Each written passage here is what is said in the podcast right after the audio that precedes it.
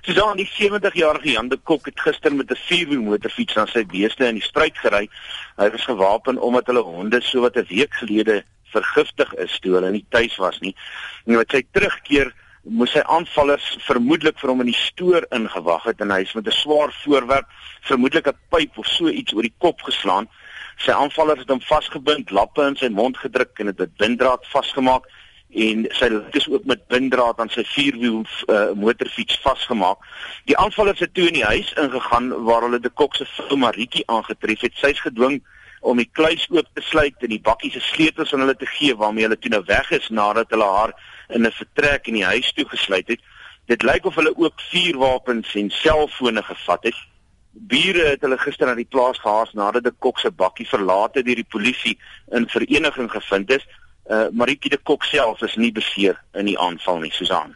Hoe raak dit die mense daar? Susan, ek dink die ergste vir almal betrokke is die onbegrip en die onsekerheid oor wie so iets kon doen. Ek het vroeër met Dano de Kok, die seun van die vermoorde Jan de Kok gepraat. Kom ons hoor gou hoe stel hy dit. Wat ek nie kan verstaan nie dat dit dan so gebeur.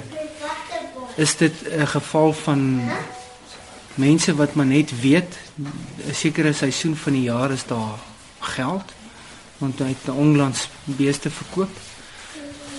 En dan kom en vat die geld in die gewere, moenie 'n mens se lewe vat nie. Wat se sin is daar om 'n mens se lewe te Maar dit is soos hulle maar maak. Dis hulle los jou nie uit nie. Dis soos hulle maar maak. Nee, ek weet nie, dit is Die Here het ons almal geskape, maar mens mens mens kan nie so weer wraak hê nie. Dit dit dit, dit dit is nie regverdig dat iemand net kan kom in my lewe vat omrede mense afgesonder is en op die plaas is nie. Dis nie in die stad nie. Ek kan nie net sê ja. Hoor jy so ons daar's nou 'n soft target, daar's twee ouer mense. Dis wat jy doen nie. Dit het gebeur Isak. Dit was die seun van die vermoorde Jan de Kok, ehm um, Anu. Die ander stem wat jy gehoor het is die van die weduwee Maritjie de Kok. Uh, Susan vir die gemeenskap is dit net so groot skok. Van die mense in die dorp sê vir al die ouer mense is baie bang na die vierde aanval in die distrik die afgelope week. Verlede week is Andre van Greenen van Daniels Reis op sy plaas aangeval en 'n bejaarde vrou is dood in 'n voorval op Reis en uh, daar was jare lank glad nie 'n aanval in die distrik nie. Uh die getuig baie mense van Susan. Isak, hoe is dit dat jy nou daar is?